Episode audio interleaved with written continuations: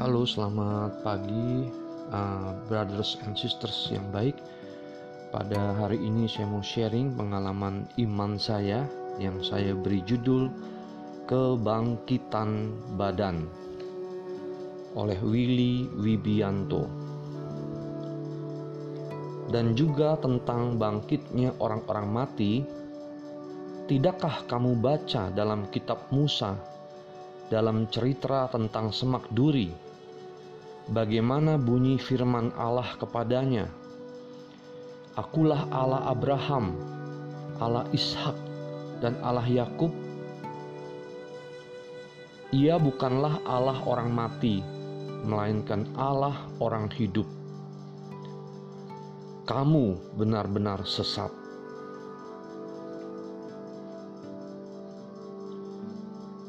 Dulu saat aku masih kuliah semester 6 atau 7, aku pernah mengadakan retret muda-mudi Katolik.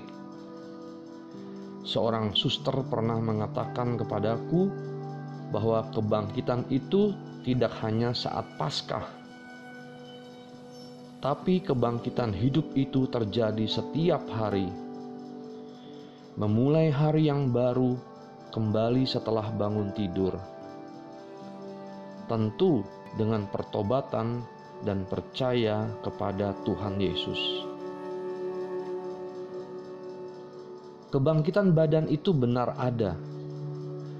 Hidup tidak lenyap dengan kematian. Ada hidup sesudah hidup di dunia ini. Yesus sendiri mengajarkan bahwa ada kebangkitan badan, dan dengan kebangkitannya Yesus sendiri telah membuktikan bahwa ada kebangkitan badan. Karena itu, kita percaya akan adanya kebangkitan badan, sebab jika tidak ada kebangkitan, maka Kristus juga tidak dibangkitkan. Kayak film Ghost yang diperankan oleh Demi Moore serta Patrick Swayze pada tahun 1990 yang dibangkitkan adalah seluruh pribadi manusia, jiwa dan raganya. Istilah badan dalam kebangkitan badan berarti seluruh pribadi manusia. Pribadi manusia itu diangkat ke dalam bentuk yang ilahi Kristus sendiri telah bangkit dengan jiwa dan raganya.